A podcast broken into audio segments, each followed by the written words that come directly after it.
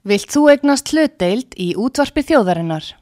Sendu tölvupóst á hlutabref at útvarpsaga.is eða ringdu í síma 533 3943. Útvarpsaga stendur vörð um tjáningafrelsið.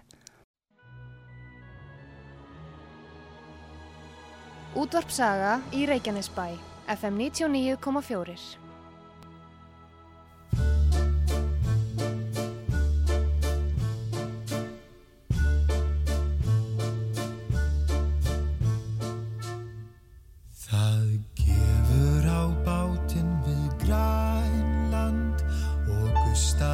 Sigluna kallt En tógar að sjómanni tamast það er að tala sem minnst um það allt. En fuggli sem flýgur í austur er fyllt yfir hafið með þrá. Og vestfirskur jökull sem heilsar við hort í hylling með sólróðna brá. Segir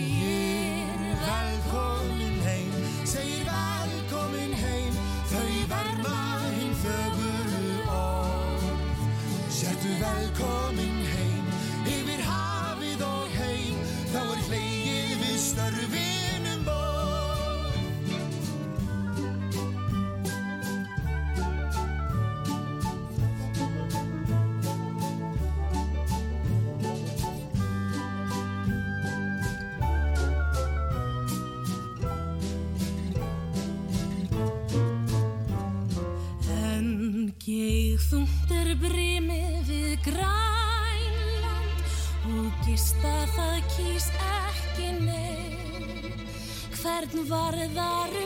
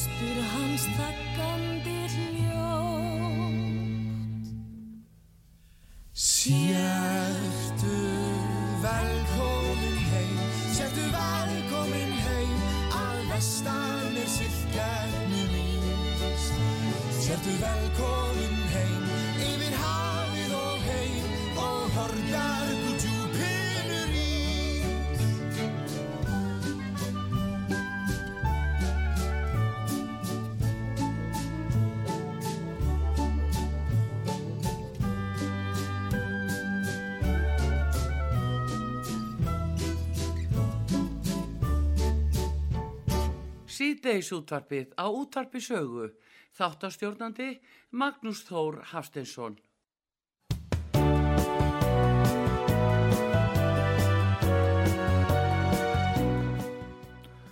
Komið sæl ágætu hlustendur út var sögu, ég heiti Magnús Þór Hafstensson og verð með ykkur hér næsta klukkutíman. Til mín er komin gestur í framhalsþátt frá því í síðustu viku.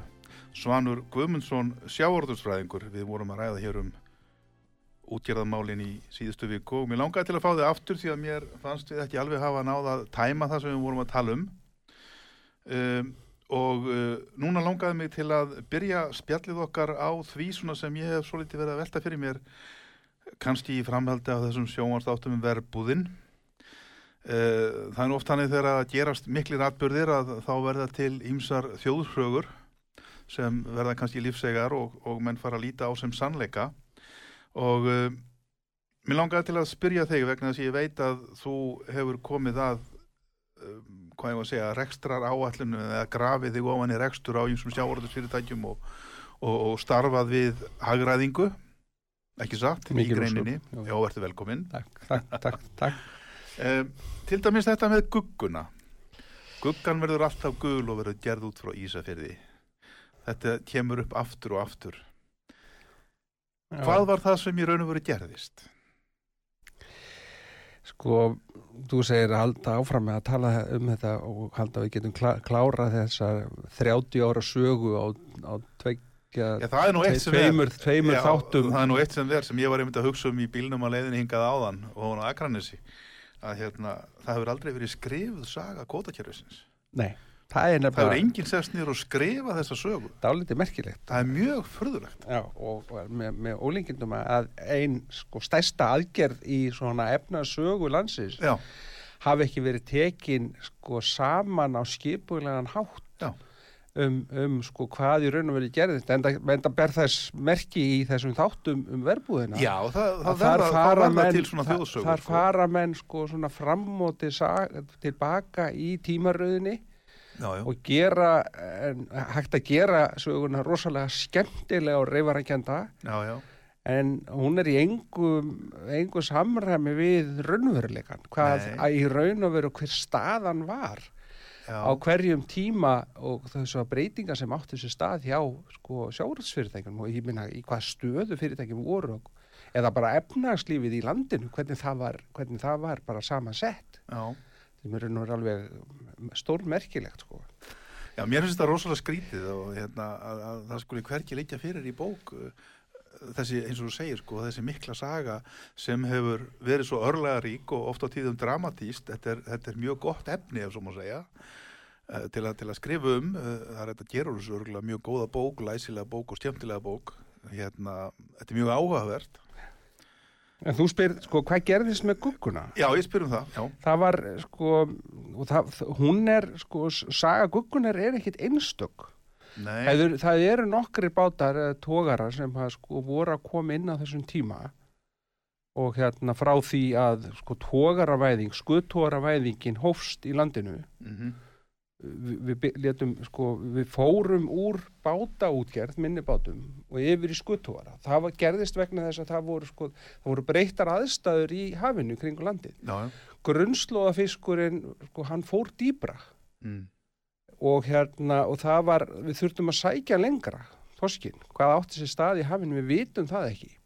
En tógarar urðu nöðsulegir og, og hérna, fyrst þegar menn voru að fyrir að byggja tógar, þá sagðum við, það er ekkert líf fyrir neðan 250 fama. Mm, Núna erum við að veiða sko, fisk á miklu meira dýpi, niður í sko, svarta myrkri og þar er gráluð og þar eru tegundir sem við sko, þekkjum bara ekkit og, og, og fórum að sjá reynda þegar tógararnir komu. En það má ekki heldur gleymast hvernig sko, rekstrar umhverfi var á þessum tíma. já, Við vorum með verðlagshöft, við vorum með verðlagstofu skiptavers sem ákvað hvað verðið ætti að vera á fiski og það var, það var sett út frá því hvað sko, fiskviðslan gæti, gæti borgað fyrir ráefnið. mm, Og við fórum, sagt, það var gríðaleg skuldsetning sem átti sér stað með byggingu tógara. Við fengum spánartógara, við fengum japanstógara, við fengum portugalska tógara. og alla norsku tógarana, norsku tógararnir nákvæmlega og, og hérna og, og á þessum tíma var sko eh, var öllu, öllu þessum sko, skipum, þau voru fjármögnuð með sko, sum í, með íslensku lánum og síðan komu erlendur lánum og síðan komu fiskveðsjóðsláni með, Mm. og fiskveðsjóður var með sér gjaldmiðl mm, svo kallar gengisvók sem var búin til utan um sko hvernig lánasaf fiskveðsjós var. Já, og hérna og, og þar fyrir utan var sko lánveitingar til skipakaupa og rekstrar, það var allt saman pólitískar ákvarðan, allir bankarnir voru ríkisbankar. Mm, og veist, bi- eða banki yðnaðinir, búnaðabankin það voru, það voru bankar bara fyrir hverja yðngreinar útvegsbankin og og útslagsbankin verslunabankin og, verslun, og þetta, þetta voru allt saman pólitískar ákvarðanir hver ætti að fá lán. Já. Og þegar, og, og svo líka sko, og reksturinn var svo aldrei fjármagnaður. Hann var, hann var fjármagnaður að lausu skuldum. Mhm, og hérna við mögum ekki gleyma því á þessum tíma þá var sko verðbólgan til dæmis verðbólgan frá 1980 81, 82 hún var alltaf yfir 50% já, og, og þegar þú ert með verðbólgu yfir 50% með sko gengisfellingur sem voru ákveðnar pólitíst, það var engin gjaldmiðla markaður lánin öll í erlendri mynd tekjunar allar í íslenskum krónum ákveðnar af verðlagsstofu skiptaver Mm. ver, eða verðlagsráði sem ákvað hvað vinslan gæti borgað Mm. þá var sko tekjumódeli svo skakt að það, það hérna, þú hafðir ekki fyrir þú hafður ekki fyrir ólíunni þegar ólíukreppan kom á sínum tíma Já. þannig að, að þetta erfiða umhverfi sem var á þessum tíma var með ólíkinu Mhm. en síðan sko menn byggðu báta og menn bara sögðu eins og alltaf, þetta reddast. En svo gerðist það bara ekki alltaf. Nei, En- og þegar svo við ákveðum að skera niður kvótan og setja kvótan 1984 á þessum verðbólgórum með erlendu lánunum á skuldunum og þeir sem voru konum með nýjustu skipin með nýjustu lánunum allt í hún stóðu frammi fyrir því að þeir höfðu helmingi minni veiðheimildir mhm. þeir máttu bara veiða helmingi minna og það var ekki möguleiki á að redda sér með einhverju öðru. Það var engin smuga þá, við vissum ekki hann við vorum ekki með neitt reykjarnisrik þá. Það var, það var, það var engin flæmski hattur. Við gátum ekkert farið neitt. Nei, nei. Og það var bara fristúsi sem var lagt upp í menn einu sinni að fara í siglingar Nei, svo koma fristið tóraðir, eða hvað? fristitúan kom miklu miklu setna sko.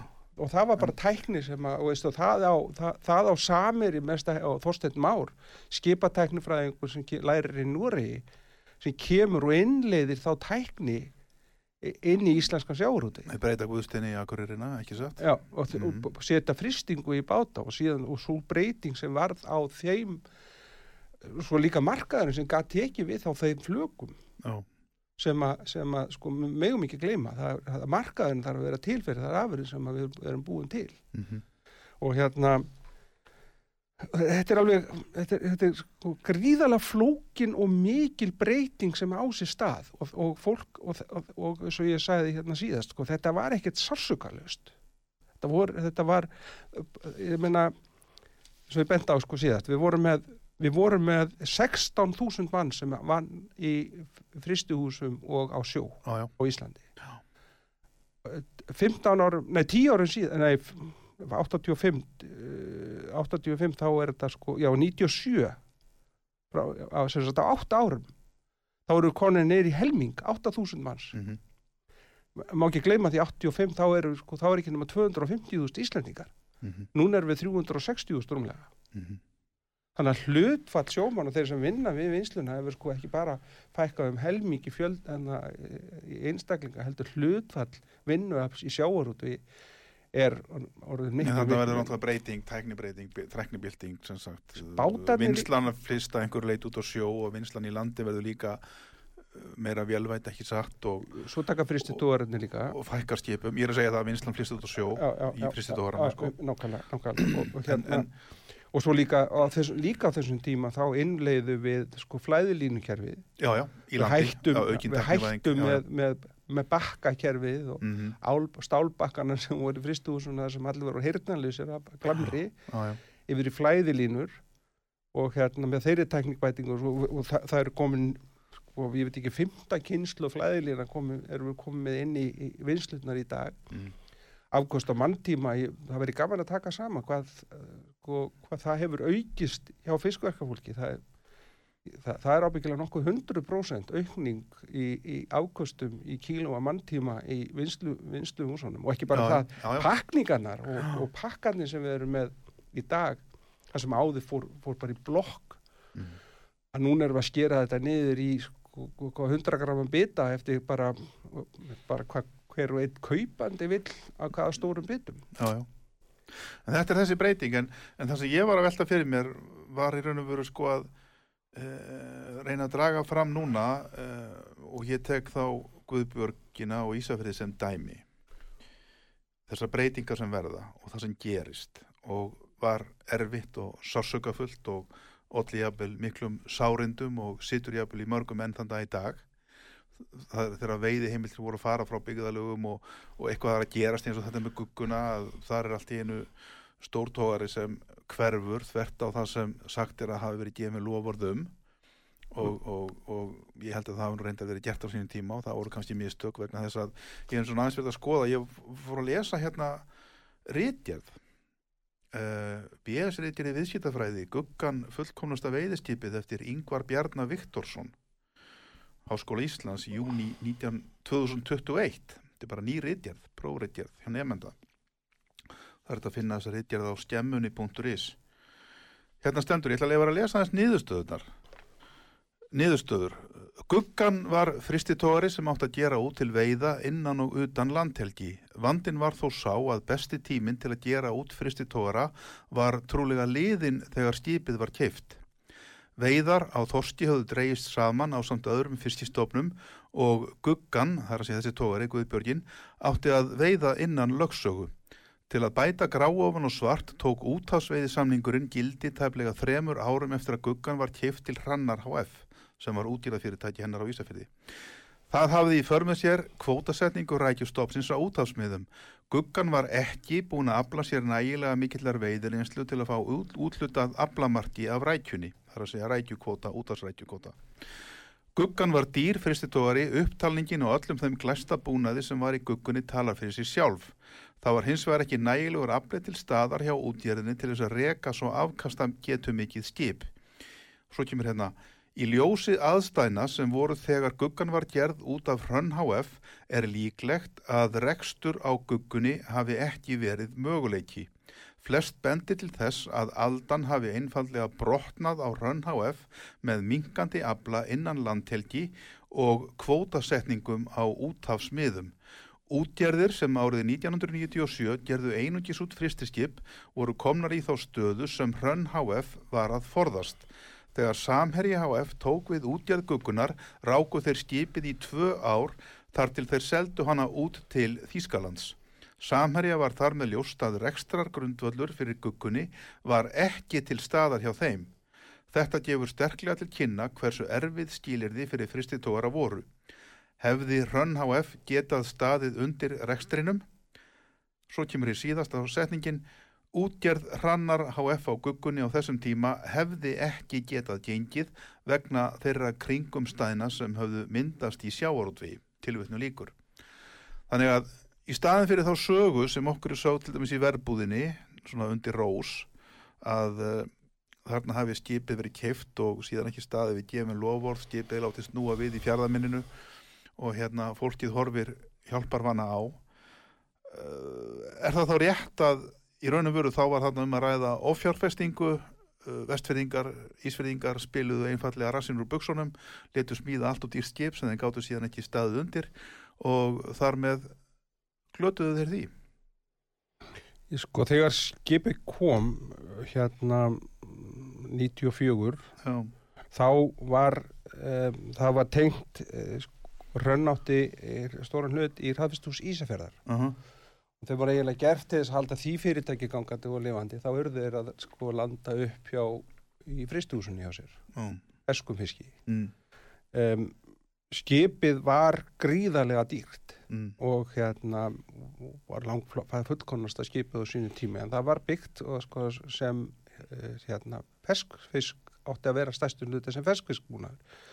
Um, ég veit ekki hvort að mái hafa fengið þá til að setja sko einhverja fristingu um borði í skipið en það var fyrst og fremst ætlað til uh, ísfiskvinnslu. Mm, og hérna og ekki og, og, og sko en búnaðurinn og, og, og, og annað sem var í skipinu það var, var offjárfesting. Það var gríðaleg offjárfesting í skipinu. Skipinu var alltaf stórt með þá veiði, veiði þörf eða kvóta sem að, fyrir, að fyrirtæki hafði verið útlutað hafði áinni sér. Já, og hérna og mun minni heldur en áður hafði verið. Það, má ekki glemma því að það var dreigið úr veiðum á þorski á þessum tíma og stæstu hluti kvóta rannar var þorskur já, og svo Lang- þetta kvóta út á svækjuna líka og þeir höfðu ætlað að fara á rækju en það, það gekk ekki. og, og hérna, já, mikil ósköp það, það, það, var, það var það var sko vegna alþjóðsamningu var, var, var skorið niður allir já, möguleikar á utanakomandi veiðum. Mm þannig að eins og ég sagði hérna síðast sko, þegar ég gerði rekstrar áallun fyrir skipið sem ég var fenginn til þess að gera Já, að þá var ekki séns það var ekki möguleiki að finna leið til þess að halda skipin í rekstri með það veiðiheimildir sem að var í gangi. Nei, annarkvart þurfti skipið að kaupa eða útgerðin að kaupa auknar veiðiheimildir af öðrum öðrum útgerðum eða samennast öðrum útgerðum já, á svæðinu sem að var ekki viljið til. Eða þá bara hreinlega hætta þessum rekstir og selja. Eða bara frá hausinn. Eða í þriðalegið, halda, halda áfram þá haldi fyrirtæki, fyrirtæki farið á hausinn og þá, Það þá var fréttir um það að fyrirtæki stemdi í greiðslu þrótt. Þetta var ekki sko, Rek- rekstrar vandi bæði hræðfestús Ísafjörðar og hrannar var í, í miklum erfileikum því að skipi var alltaf dýrt. Og gleym, gleymum því ekki á þessum tíma Vist, við erum með erlend lán. Og svo og, sko, og, og hérna sem, og, tekjurnar í íslenskum krónum. Mm og við bara 20-30% sko gengisfællingu þá kemur það svo skuld öll inn á samtímis inn á lánin og inn á reksturinn hefði, hefði þetta farið öðruvísi ef menn hefði látið vera að láta smíða þetta nýja og stóra, allt og dýra skip? Hefði bara haldið áfram með gamla tógaran sem varð síðan áfram í rekstur hér á Íslandi og er bara nýseldur til Rúslands? Guðbörgin sem var á undan guggunni? mjög, mjög líklega hefði fyrirtæki, hefði fyrirtæki átt framtíð fyrir sér. En þá eh, líka, en samt hefði ekki, hefði ekki verið hefði sko fyrirtæki þurft að fara áfram í saminningar við önnu fyrirtæki þarna á, á vestfjörðum eins og var gert þegar básafelli stopnað Já, þar sem mörg fyrirtæki ég tók við því fyrirtæki í smá tíma og kom að þeim rekstri á þar sem að voru margar útgerðir og vinslur á vestfjörðum sem tóku sér saman og, og, og úr var eitt stórt samiðilegt sjáuröld fyrirtæki vestfjörði básafell. Já, þar sem að var að reynda spórna við fótum við. Því á vestfjörðum ha- hafði það var ekki bara guggan sem að var sko verið að fjárfesti það voru mörg fyrirtæki gríðalugum fjárfestingum og sumi veðið á stór vinsluhús og það var sko og, og það voru margir tógarar og allt og margir eins og um allt, anna, um allt land við vorum með allt og mikið af vinslu við vorum með allt og mikið af tógurum á þessum tíma eins og kemur fram í bara fjölda starfa sem við vorum með Já, já. við vorum með 16.000 störf sem fóru svo niður í 8.000 bátum fækkaði, vinslum fækkaði þær saminuðust og hérna menn þurft, að- að menn þurft alltaf að standa undir lánun lánin hurfa aldrei En hvað er það sem, nei þau hverju ekki, en hvað er það sem fór vest með þá menn? Var það niðurskurður aflaheimildum? Já, og á fjárfestingar. Menn á, sko, á tímabölum með niðurskurður á sama tíma á sér stað með niðurskurði þegar skorið var niður kótin þá var sett á sóknamark Mm, á sóknamarstímanum þá fóru menn í kapp með fjárfestingar. Mm, til þess að fjárfest til þess að ávinna sér veiðurinsl sumi gerðu það. Að þeir tóku bara, veist, þú gast valið um á milli. Taka sóknarmark þar sem þú gast ávinniðir frekari rétt eða þá festaði bara í kvota og halda áfram með það búnað og það sem þú áttir. Mm, sumi fóru í fjárfestingar til þess að að ná sér í meiri meiri veiðiheimildir. Mm, og hérna, og sumi voru að koma með báta inn á þessum tíma þegar niðurskorðunum var, var sem mestur. Um, þannig að þetta, þetta, þetta, það voru margir þættir sem spiluðu saman sem gerðu sumum hönnum gríðarlega erfitt fyrir. Guggan hefði eh, veist, það tekur, þú, þú ákveður ekki að kaupa skip og ferða það sko í mánuði setna þetta er margra ára þróun sem á sér stað það kannski tekur kannski tvö ár mm, frá því að menna þakka ákvörðun þar um að fá skip í bestafalli að hérna það hefði verið miklu betra hefði guggan hefði aldrei, hún aldrei komið til landsins fyrir, fyrir ísfyrðinga mm, en það, ég er samt ekkert svo viss um að, af. að, að hérna, það hefði breytt miklu fyrir stöðuna fyrir vestan á, á, á, á vestfjörðum. Það er mjög dýrt að gera út frá vestfjörðum við höfum ekki gleyma því á þessum, sko, að það er miklu fólksflutninga líka í gangi.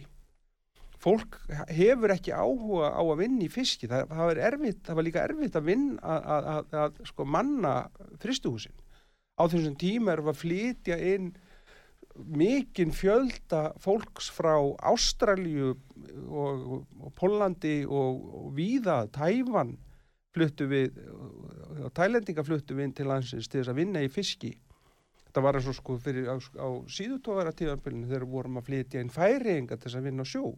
Við fengum ekki fólk til vinslu til vinslunar og það var mikill mönnunar vandi það var erfitt að manna plássin á tógurunum fyrir vestan. Var það? Já, ég uh, til dæmis á þegar, með, með sléttanis sem þar var í rekstri Mm sem við gerðum út eða skrifuð á Þingbergi sem var einar básafels þar var helmingurinn áhefninu frá Reykjavík. Þannig að þetta fljúa mannskapnum alltaf fram og tilbaka og stundum var ekki flóið þá bara beð skipið. Þannig að það var ekkit, það var ekkit auðvelt að manna heldur tógarna á þessum tíma. Mm af því að- að- afkoman í skrapdagakerfinu á þessum tíma þegar var, það var mjög erfitt að fá sko, að kaupið var oft ekkert sérstaklega gott þó það komu góðir túrar þá, þá voru líka mjög hóruð tímabil og lélið þegar menn voru í skrap, skrapinu eins og það heitir, þegar menn mátt ekki veiða þosku og reyna veiða ufsa og karfa og sem lítið fegst fyrir.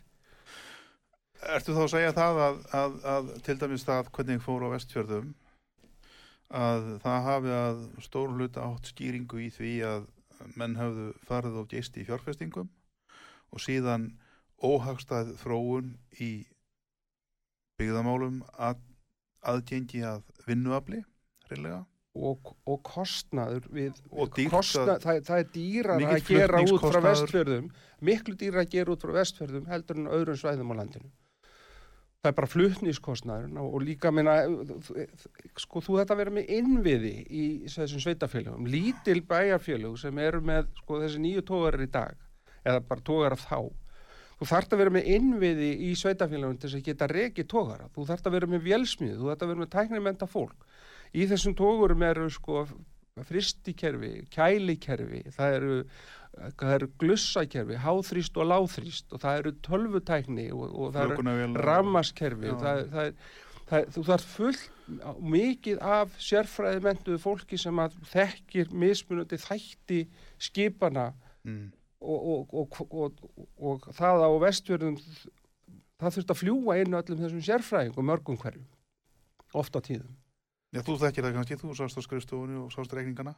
Ég, nákvæmlega, og minna skipulagi, það skipulegja bara sko hvað þurfti að gera um borð áður en báturinn kom í land og hvað þurfti að mannskap til þess að koma og sjá um hérna ymsu þætti og hver var laus á hverjum tíma. Þa, það, það, var, það var mikið stress og mikið hlaup og mikið, mörg símtöl að það væri allt klárt til að skipi í land þannig að það færi út á reyndum tíma en það gekk ekki alltaf. Nei. Og hver klukkutími svona bátum er rosalega dýr. Já. En með það, já, ágættur hlustundur, við sitjum hérna, ég og Svanur Guðmundsson og erum að ræða um mál málana sem eru náttúrulega sjávorðsmálin á, í verbúðunni í Íslandi. Ég heiti Magnús Þór, við ætlum að taka auglýsingal hér en komum aftur og eftir.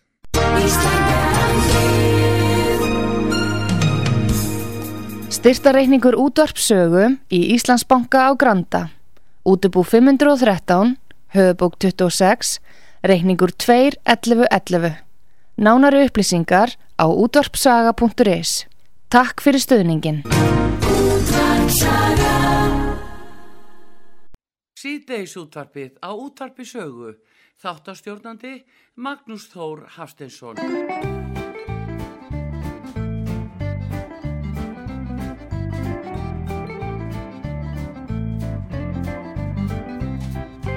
aldrei farið á sjó En ég veit margt um sjómennsku þó. Oft hef ég sett mig á háan stall Og í hugunum munstrað á dall. Ég hef sungið um sjómannsins líf Um landlegu viltar og víf Ég alltaf lefið þín viltustu slög Við þessi gamlu sjómannalög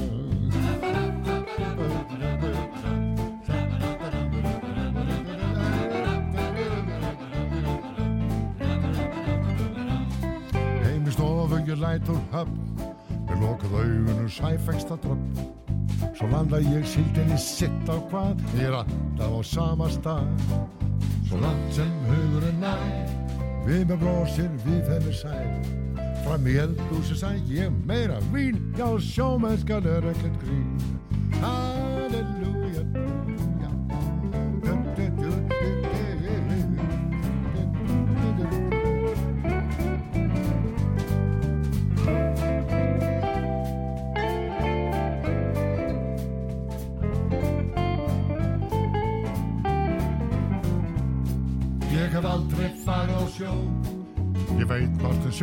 þó.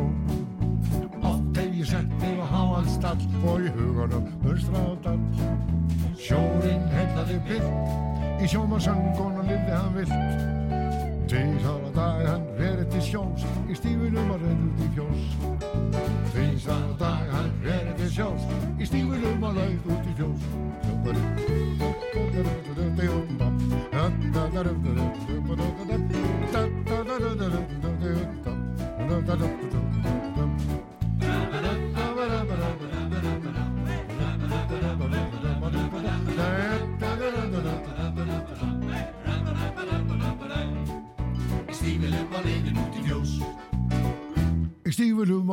út í fjós Komið sælatur, Magnús Þór heiti ég og þeir að hlusta á sítaðis útvarpið hér á útvarpið sögu.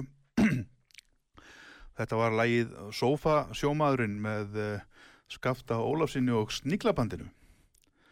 Við sitjum hérna tveir sofa sjómenn og erum að velta vöngum yfir leggja kollúur yfir sjáurúðvegnum og hérna vorum að tala á þann um ástandið, hvernig það hefði verið í þessari grein og, og, og hvernig hefði svona farið fyrir sumum. Uh, Svanur Guðmundsson er viðmælandi minn, sjáurðisfræðingur. Hann hefur komið að mörgum þessara fyrirtækja og hefur langar reynslu í, í greininni. Eh, segðu mér, við nefndum básafell hérna á þann. Það var líka fyrirtæki sem fór söður, eða hvað? Jú, það, það fyrirtæki var stopnað úr nokkrum fyrirtækjum á vestfjörðum. Jú, eins og nefndir á búið þann. til af mörgum einingum sem að voru sko, sem voru í vanda Mm. og, og, og það náðist uh, og, það, og, og það fór sem sagt á hlutabreiðamarkaðin eins og mörg fyrirtæki á þessum tíma Já. veist, og, það, og það var sko á þessum umbreytingatímum þegar þegar sjáuröldsfyrirtæki voru í, í sameiningafösum og það var í, í sko, mikill uppskiptingu og, og, og, og það líka það sem gerðist þá á þessum tíma var það að það var orðið meira aðgengi að fjármagni fyrir útgerðir. Mm Áður fyrir var engungu bara vinslutar sem fengu fjármagnið vegna það var engungu lánað út á veð eh, í húsegnum. Skip fengu engar sérstakar rekstar fyrirgreyslu það var bara fiskvæðasjóður sem sáum sko, lánin til uh, bátana og, og, og svo gott sem engin annan sem vildi veðsetja eftir, eftir fiskvæðasjóð en með hlutabriðamarkanum þá varð hérna tölvend mikil breyting og það var, það var reynir verið sjávarúturinn sem bjóð til hlutabriðamarkaðin Mm. það var og, var sjávarúturinn sem dróð þann vagn að inn komu fyrirtæki. Síðan komu önnur fyrirtæki áframhaldu af sjávarútsfyrirtækjunum sjávarútsfyrirtækin fóru reyndar út. Básafell var mjög stert inn að þessu markaði. Þar var Þar var endur skipulagt bæði alla skuldastað, allar þessara fyrirtækja sem voru þannig saminuðin inn í, inn í Básafell og, og, hérna, og þar náðu með nokkuð góðu tökum á efnaðarsreikningnum og, og fóru á hlutabriðamarkaðin og síðan síðan breyttist það aftur til verri vegar þegar, veist, og, menn fóru þá aftur í að fjárfesta í bátum í, í, og endur byggja báta inn í Básafell sem að þeir hefðu betur sleft og það var, þeir voru með rækjuvinslu sem að líka var sko, sem fór á sega ógæfi hliðina eins og alla rækjuvinslur í landinu á þessum tíma og Og þetta hérna var dýrar breytingar þá á tórunum. eða það voru allt og, mikil, allt og mikil fjárfesting í endurbeitingum á, á skipum sem að skiluðu sára litlu sem er yngri hagræðingu Mhm. og hérna og menn hefðu betur sleft því bara hætt rækjuvislunni, hætt þessum fjárfestingum í bátum, menn voru alltaf mikið að horfa alltaf á bátana. Það var einhver pissukeppni í, í, ákveðnum hópum alltaf með að eiga flottustu bátana. Nú, þó þau var ekkert að skila neinu. Svo voru aðrir sem segja að málningin er ekkert að gefa neitt, neitt, neitt betri tekjur. Mm. og hérna menn letu bara bátana vinna og gefa og, og, og nýttu þá betur í stað þess að vera með alltaf í einhverju flott Já. ræfilsáttu, það var engin menn höfðu engin efni á einhvern flott ræfilsátt með bátana Mm. en uh, Básafell uh, gekk ekki en, en ég, ég kom þar inn í smá tíma og reyndi að, að hérna og reyndi að breyta reksturinnum til betri vegar og vildi keira á, á landvinnslu en menn voru ekki alveg sammála því stjórnum voru ekki alveg sammála því að færa í, í hérna frekari landvinnslu menn keirðu ákvaða að selja það fyrirtæki á bara í gegnum út af hlutabriðamarkanum og kom bara nýra aðeili með betra tilbúð og listið hlutafana bara undan undan þeim vanda sem Básafell var. Eins og gerðist við það Já, Básafell var bara lagt af. Það var bara selt. Það var, búið, það var búið að úrelda hús það var búið að það var, það var úrelding á fiskiskipum og, og, og, og það var gríðarlega breyting sem átti sér stað í Básafell. Eins og ég segi, Básafell það var bara það er erfiðar að reka fyrirtækja vestfjörðum heldur en annar staðar og veiðihimildunar, þær fóru þá söður eða eitthvað þær annað. fóru uh, í suður og já, færðust, færðust yfir sem er núna hluta til inn í Brim Já. eins og mörg önnu fyrirtæki, bremi samsett um mörgum sko, fyrirtækjum, bæjar útgerð Reykjavíkur, hraðfyrstustöð, Reykjavík, hraðfyrstustöðinni, Haraldi Böðvarsinni, Krossvík, Akarnesi, Básafell og öllum þeim fyrirtækjum sem þar voru undir. Það er samsetningin á brem. Það er brím í dag, Já, í raun og vera stofnum. og Ögurvík, Ögurvík, er sjálfstætt fyrirtæki en breyfum sko, sem betur fyrir orðið gríðalega stert og flott fyrirtæki enda, og á hlutabriðamarkaði. Það eru bara tvö sjáurðsfyrirtæki á hlutabriðamarka í dag. Já, Síldavíslan er sko stað og, og, og, og breyf. Uh, Þú tilur að fleiri fyrirtæki að fara markað. Ég vonandi, Eða það, það kemur ekki óvart á næstu árum munum við sjá fleiri fyrirtæki, sjáurðsfyrirtæki fari inn á hlutabriðamarkaðin og ég vonast til þess að, að menn sjá að sér og fari að, að, að hérna að, að það, ég ég vonast til þess að svo nýliðun sem menn er alltaf að kalla eftir í sjáurútu, hún fari í gegnum hlutabriðamarkaðin að, fyrirtækin fari inn á hlutabriðamarkaðin þau stækki uh, og eflist við það en þá verðum við að, þá verðum við að fara að huga að sko, stærðum sjáurútsfyrirtæki sjáurútsfyrirtæki í dag er allt og mörg. Og þau eru of lítil. Stærstu fyrirtækin hér á Íslandi svo Brim eru of lítið á, á, á heimsmarkanum við erum engung að vinna á heimsmarkaði. Allar afurður okkar fyrirtækja fara á heimsmarkaði Mm og þa það að hérna takmarka svona mikið stærð þessari fyrirtækja vegna þess að við erum, hefum alltaf hort að sjáarútum sem einhvern sem einhvern dreifbílis hérna, moment, halda úti dreifbílinu Þú telur að það sé, ránt. Fyrirtækin er á lítil til þess að geta keft á alþjóða markaði. Við erum að keppa við miklu, miklu stærri fyrirtækja af sko, stærstu fyrirtækjum í heimi þá er bara í, í sjáurútvegi af hundra stærstu þá erum við bara með tvö þar hundra stærstu sjáurútvegi í heimi við bara með tvö þar Er það brím og samherji? eða? já uh, en sko við höfum ekki gleyma því að við erum í 20. sæti yfir stærstu fiskveðþjóðir í heimi Já. en þegar kemur að sko hundrastæstu fyrirtækjanum í rekstri þá eru við engis með tvö fyrirtæki Já. þannig að hljóð og mynd fyrir ekki saman normenn eru með nýju fyrirtæki inn á þessum lista til dæmis Er það ekki þá einhver fiskeldisfyrirtæki þar líka þá? Jú, mik, þar hefur stærst mestu aukningin verið í fiskeldi Myndur þá vilja hækka kvóta þakkið? Það er núna 12% í öllum tegundum, eða 20% í loðinu. Eitt fyrirtæki má eiga, ekki meiga meira en þetta. ef við, ef við já, það, í þoski og bólfistegundum og hálfmann 12% og, og, og 20% Já. í, í uppsöðategundum Ok, eh, eh, sko ef við sæjum uh, fyrirtæki á hlutabriðamarkaði dreifðir eignarhald þar sem almenningur og nýliðum geti komið inn í eignarhaldi sem er eina leiðin sko, sem er ein, leið, ein, fjárfest ein leiðin til ný Fólk gæti keitt hlutabrif í, í sáortisfyrirtækjum og líka lífeyrissjóðunir og sjóðanir. ef engi spurning, lífeyrissjóðunir eiga að koma inn í, í, í, fjárfestingu inn í sjáurstfyrirtæk þetta er megin undirstaða landsins okkar. Við lifum á fiski og, og, og, með því, með því að, að sé, komin á sko, dreifið eignareld að þá gefur mönnum sko kvata til þess að geta farið í hærra hærri hlutfætt kóta Ok, að það sé, það sé hærra meira sagt, að menn lifti kvótaþækinu fyrir fyrirtæki sem eru á hlutabriðamarkaði og þannig búið til kvata sem til þess að sko sti- fyrirtæki, stóru fyrirtæki verði hlutabrifamarkaði og, væri bara, sem sagt, já, væri á hlutabrifamarkaði sjáortisfyrirtæki að það mætti kannski fara upp í segjum 15% í bólfiski og bara til að nefna einhverja tölu. við getum fabulerað um töluna það er bara að finna, bara að finna þar við, sko við erum með, það, það eru 400 fyrirtæki sem er að fá útlutun í kvóta. Mm og það er ekkert, er ekkert fyrirtæki sem að fer yfir 12% það er sko stærsta fyrirtæki í hlutvalli er 8, 8 9% og með tengdum, tengdum fyrirtækjum þá fer það upp í eitthvað um 11% af heldar þoskigildum sem útluta er Þau, það, þetta er bara lítil fyrirtæki mm. við erum, eh, sko sjáuröldsfyrirtæki er bara lítil Já. við erum að tala um sagt, afla heimildir þar sem að fyrirtækin er að veiða þetta er ekki nema 140 miljardar sem eru tekjurnar sko, sem kemur upp úr sjó af þessum bátum En eru þessi litlu fyrirtæki ekki að mörg hver að ganga bara mjög vel?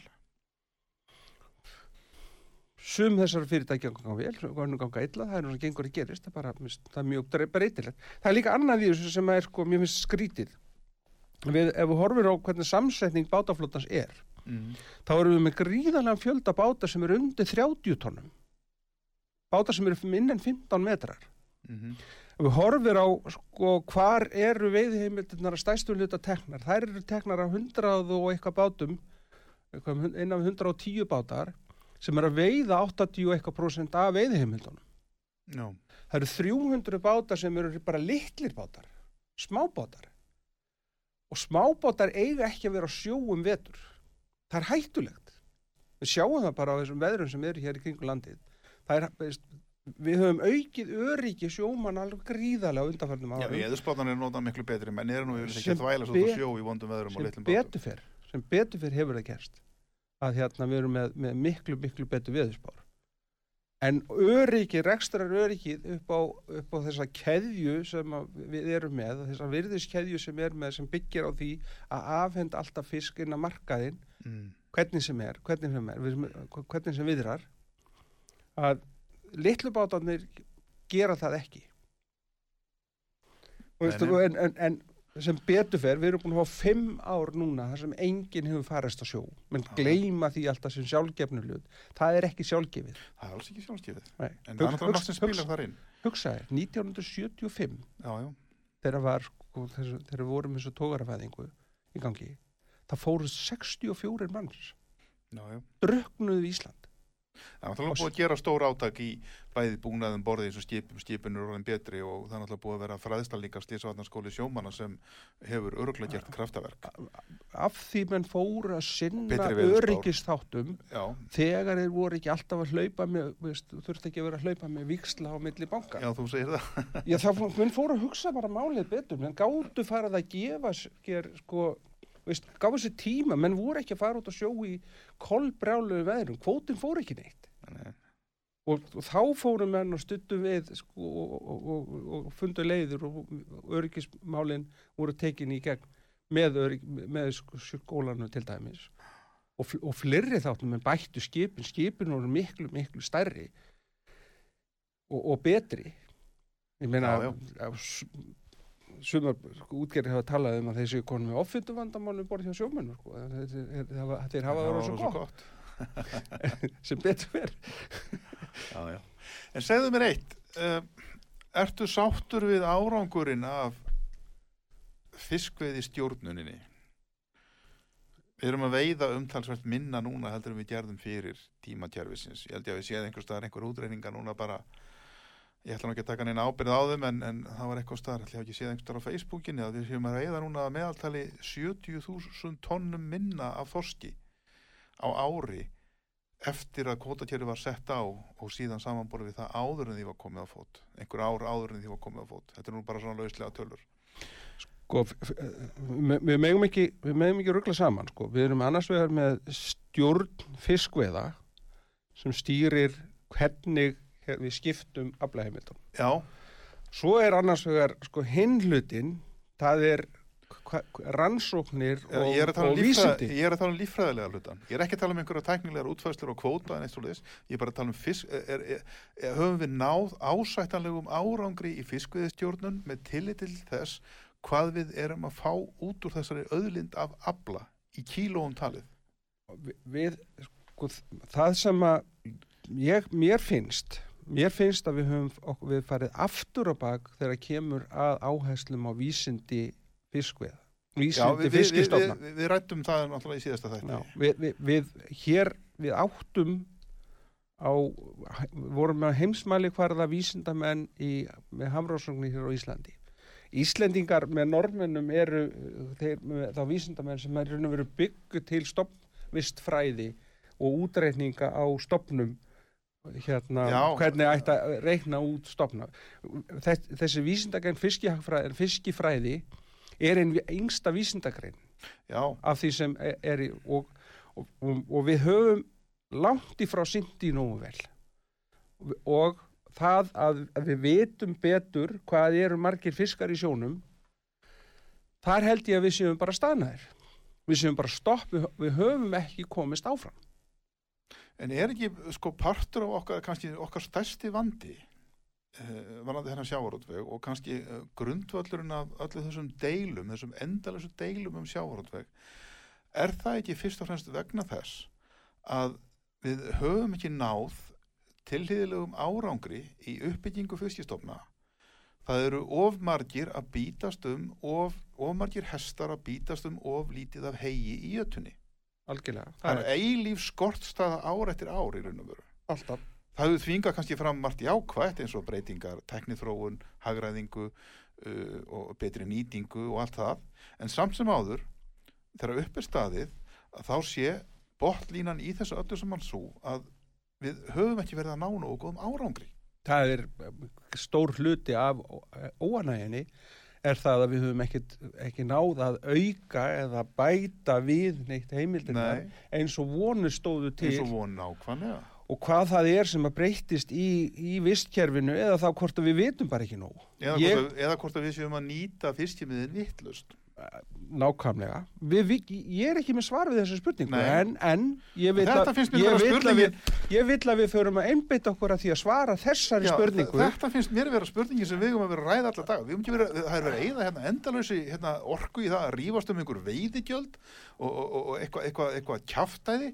Þingmenn standa hérna dagana út og inn og er, er, er, er að töða um þetta en það er enginn sem fer inn í þessa líffræðilegu umræðu.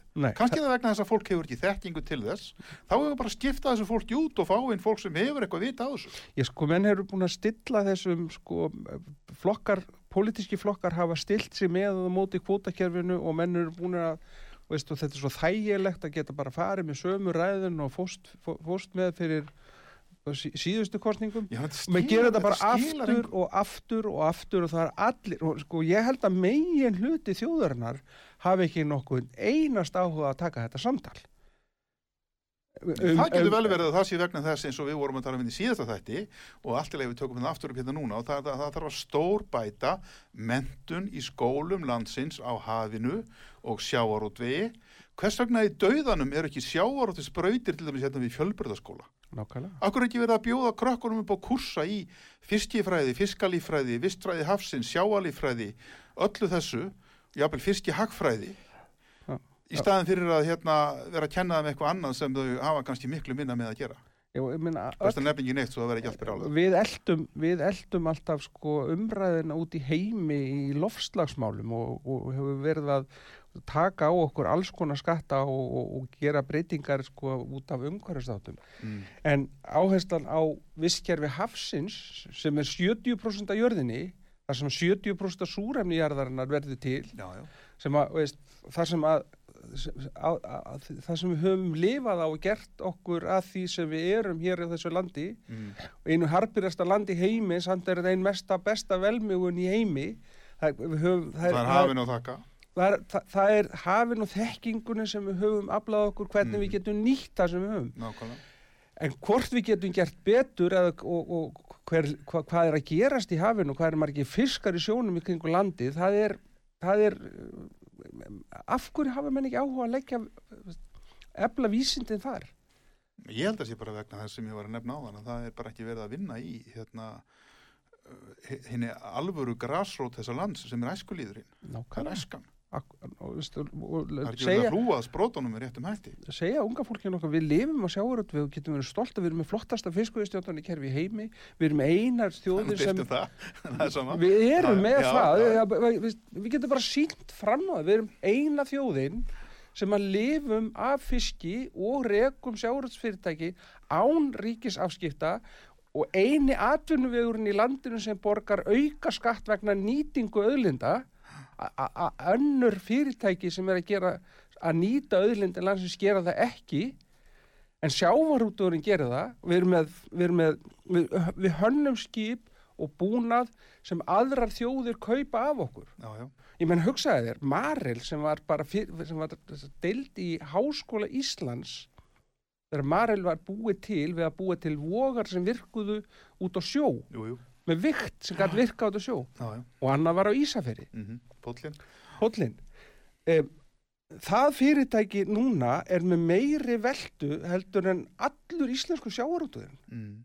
það er verðmætara heldur en öll íslensku sjávarútsfyrirtæki þetta, þetta er tæknifyrirtæki sem kom út um allan heim. Já. og getur gert miklu, miklu betur. Og getum veist, sama getum við gert í sjáurútu við getum flutt út þessa þekkingu til annara þjóða. Tækni greinum minna, við höfum verið að hanna hérna skýðsískip fyrir, fyrir rússa. Fiskiskipin sem að rússarnir eru að kaupa eru hannaðir að Ég er Íslandingum að segja það. Og að líka. smíða skip, vinstöðar, við höfum verið að selja vinslur austur, austur, og bara til allra út um allan heim. Ég meina kjúklingaframleysla í Texas hún er byggð, er að, verkþekkingu sem við byggum til í fiskvíslu með flæðilínu eins og við vorum að ræða á þann Já, já, við, við sitjum á gríðalegum auðæfum en, en stjórnmálamenn sem að stýra þessu landi og eiga að veita fjármagninu inn í mentakerfið hafi bara rífast um einhver titlingaskýt mm. já.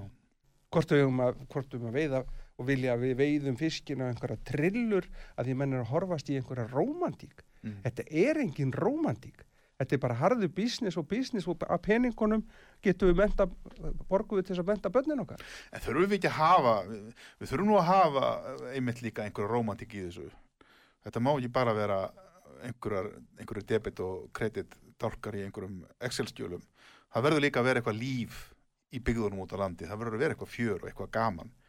Þú lítur nú að geta viðurkjönt það maður sem er fættur og uppalinn í sjáarþorpu út á landi. það er ekkert gaman að vera alltaf að rífast í ára tugi um sömu hlutin og komast ekki Nei, en ég minna, Einar Ben sagði þetta, ég er alltaf að vitna í Íslandsljóð Einar Ben, mér finnst það, það, það lýsir íslensku samfélagi Komdu svo með það. vel. Sem sagði hérna 1900 þú þjóð með eimdi arf bjargarlaus við gnóttir lífsins linda.